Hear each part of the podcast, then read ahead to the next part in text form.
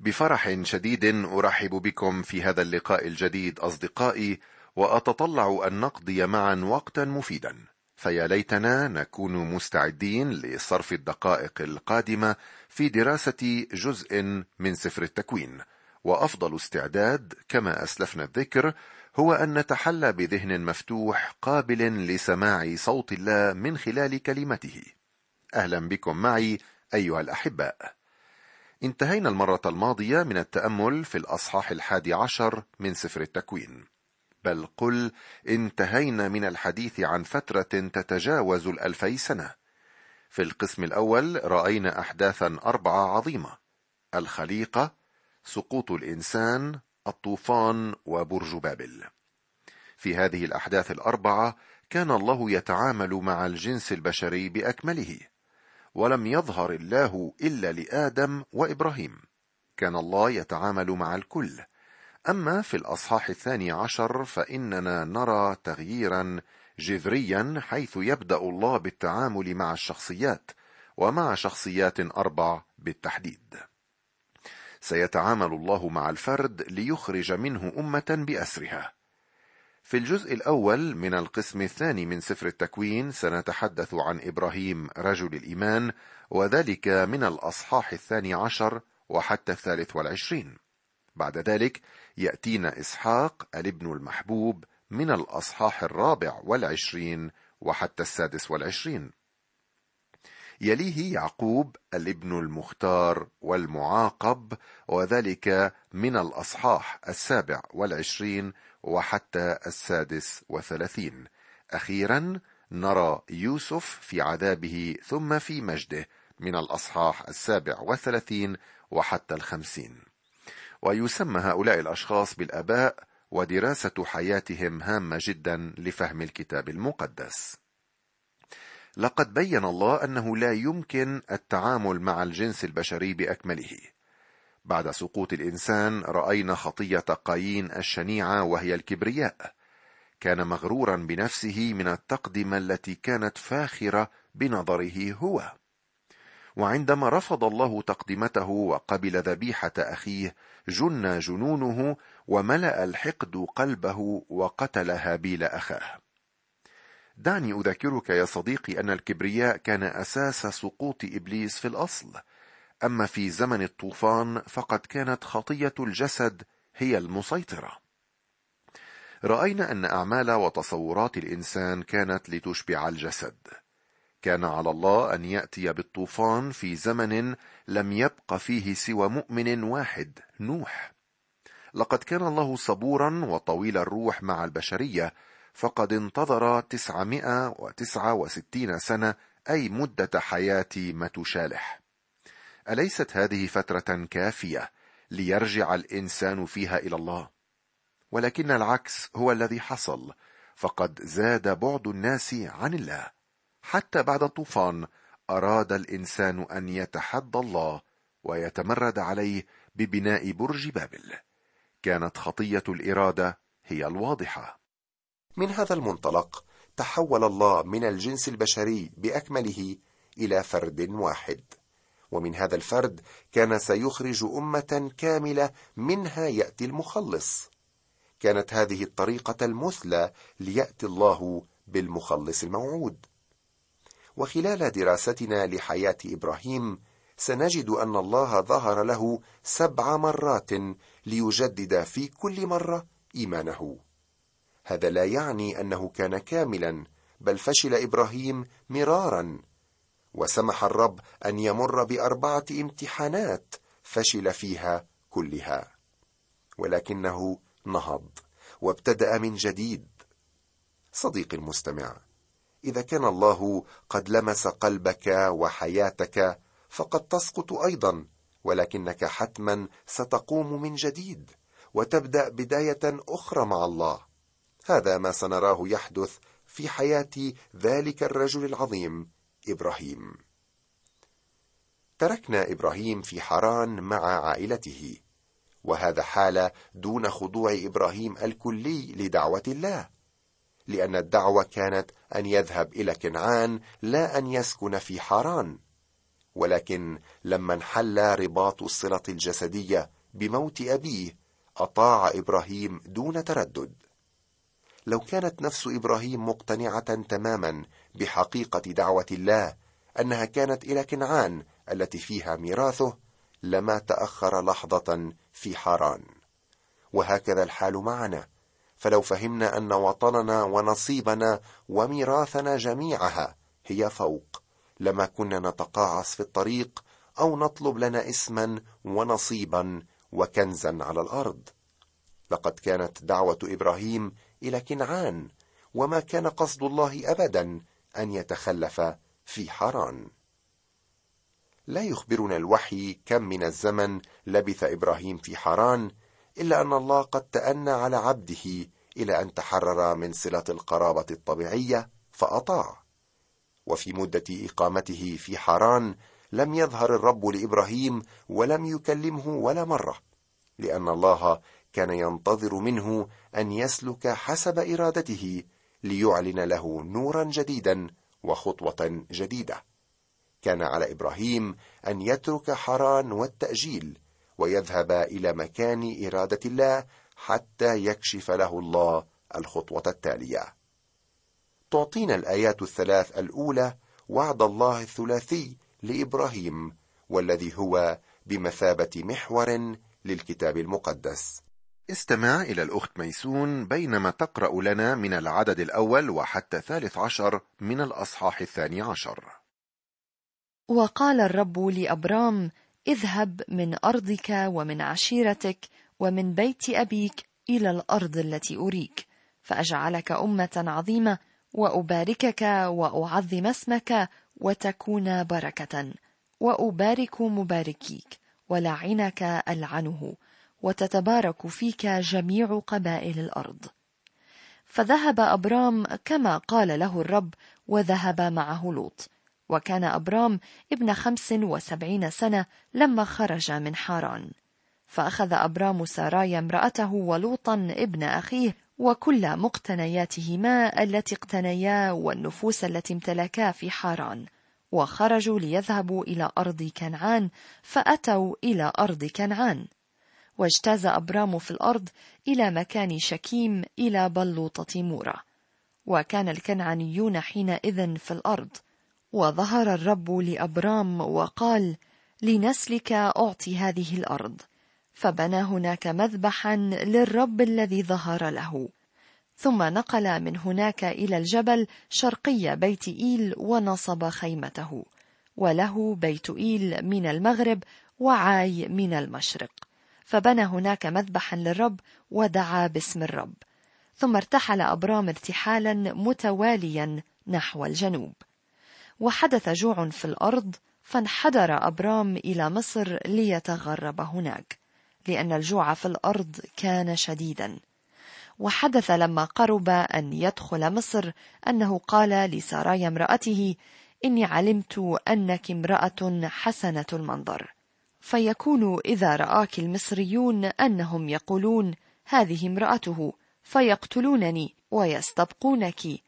قولي إنك أختي ليكون لي خير بسببك وتحيا نفسي من أجلك. اذهب من أرضك وعشيرتك ومن بيت أبيك إلى الأرض التي أريك فأجعلك أمة عظيمة وتتبارك فيك جميع قبائل الأرض. الجزء الأول من الوعد يختص بالأرض. قال له الله سأريك أرضا وسأعطيك إياها. الجزء الثاني يختص بالأمة. كان الله سيصنع منه أمة عظيمة مباركة. أما الجزء الثالث فهو يختص بالبركة حيث ستتبارك جميع قبائل الأرض به. لقد ظهر الله لإبراهيم لكي يضع أمامه رجاء يجتذب قلبه الأرض التي أريك. وأرض الله كانت أفضل بما لا يقاس من أور وحران. ولاحظ أن أبرام لم يكن قد رأى الأرض بعد ولكن بالإيمان وثق أنها ما دامت أرض الله فامتلاكها أولى بل ويهون التخلي عن كل شيء سواها في سبيل الحصول عليها. هذا هو الإيمان الأساسي الإيمان المتين الذي يجب أن نبني عليه سلوكنا. والآن السؤال الذي يطرح نفسه هو هل وفى الله بوعده لإبراهيم؟ فعلا لقد عمل الله من إبراهيم أمة عظيمة وهذا ما نراه في العهد القديم. أما بالنسبة للجزء الثاني من الوعد فإننا نعلم أن نسل إبراهيم الرب يسوع المسيح كان بركة لكل العالم. لربما لم يتحقق الجزء الأول من الوعد بالكامل ألا وهو إعطاء الأرض وذلك بسبب عصيان الشعب وبعدهم عن الله. ولكن سيأتي يوم بعد اختطاف الكنيسة والمؤمنين الحقيقيين وسيتم وعد الله كما هو. والآن في ضوء هذا الوعد المثلث ماذا عمل إبراهيم؟ وقال الرب لأبرام ومن مقاطع أخرى من الكتاب نعلم أن الله دعا إبراهيم عندما كان في أور الكلدانيين. يقول كاتب سفر الأعمال ظهر إله المجد لأبينا إبراهيم وهو فيما بين النهرين قبل ما سكن في حاران وقال له اخرج من أرضك ومن عشيرتك وهلم إلى الأرض التي أريك. فخرج حينئذ من أرض الكلدانيين وسكن في حاران. ومن هناك نقله بعدما مات أبوه إلى هذه الأرض التي أنتم الآن ساكنون فيها. لقد أطاع إبراهيم الله وترك بيته وعمله والحضارة العريقة في أور ومع ذلك فلم تكن طاعته كاملة لأنه أخذ معه بعضا من أفراد عائلته. لقد أخذ تارح أباه مع أن الله طلب منه ألا يأخذه. ولكن لماذا أراد الله أن يخرجه من أرضه بعيدا عن أقاربه؟ الجواب موجود في سفر يشوع. أباؤكم سكنوا في عبر النهر منذ الدهر. تارح أبو إبراهيم وأبو نحور وعبدوا آلهة أخرى. كانوا عبادة أوثان. حتى إبراهيم انخرط معهم. كانت هذه الطريقة الوحيدة لينقذ الله البشرية. الحل الآخر هو أن يمحوهم من على الأرض ويبدأ من جديد. شكرا لله أنه لم يفعل ذلك. بالمناسبة سندعو إبراهيم أبرام حتى الإصحاح السابع عشر. فذهب أبرام كما قال له الرب وذهب معه لوط. وكان أبرام ابن خمس وسبعين سنة لما خرج من حران والآن سيتتبع إرشادات الرب إلى كنعان. وذهب معه لوط. ما زالت طاعته غير كاملة. فأخذ أبرام سراي امرأته ولوطا ابن أخيه وكل مقتنياتهما التي اقتنيا والنفوس التي امتلكا في حران وخرجوا ليذهبوا إلى أرض كنعان فأتوا إلى أرض كنعان. كان الوقت الذي أمضاه إبراهيم في حران هو تأجيل لبركة الله فلم يظهر له الله إلا عندما ذهب إلى أرض فلسطين وانفصل عن باقي أقاربه ولم يبق معه إلا لوط. واجتاز أبرام في الأرض إلى مكان شكيم إلى بلوطة مورة وكان الكنعانيون حينئذ في الأرض. وهنا نجد الحقيقة بأن الكنعانيين كانوا أبناء حام. من الجدير بالذكر هنا أن نعلم أن أبرام لم يكن وضعه مزريا في أور وأتى هنا ليحسن أوضاعه. كلا كان العيش رغدا هناك.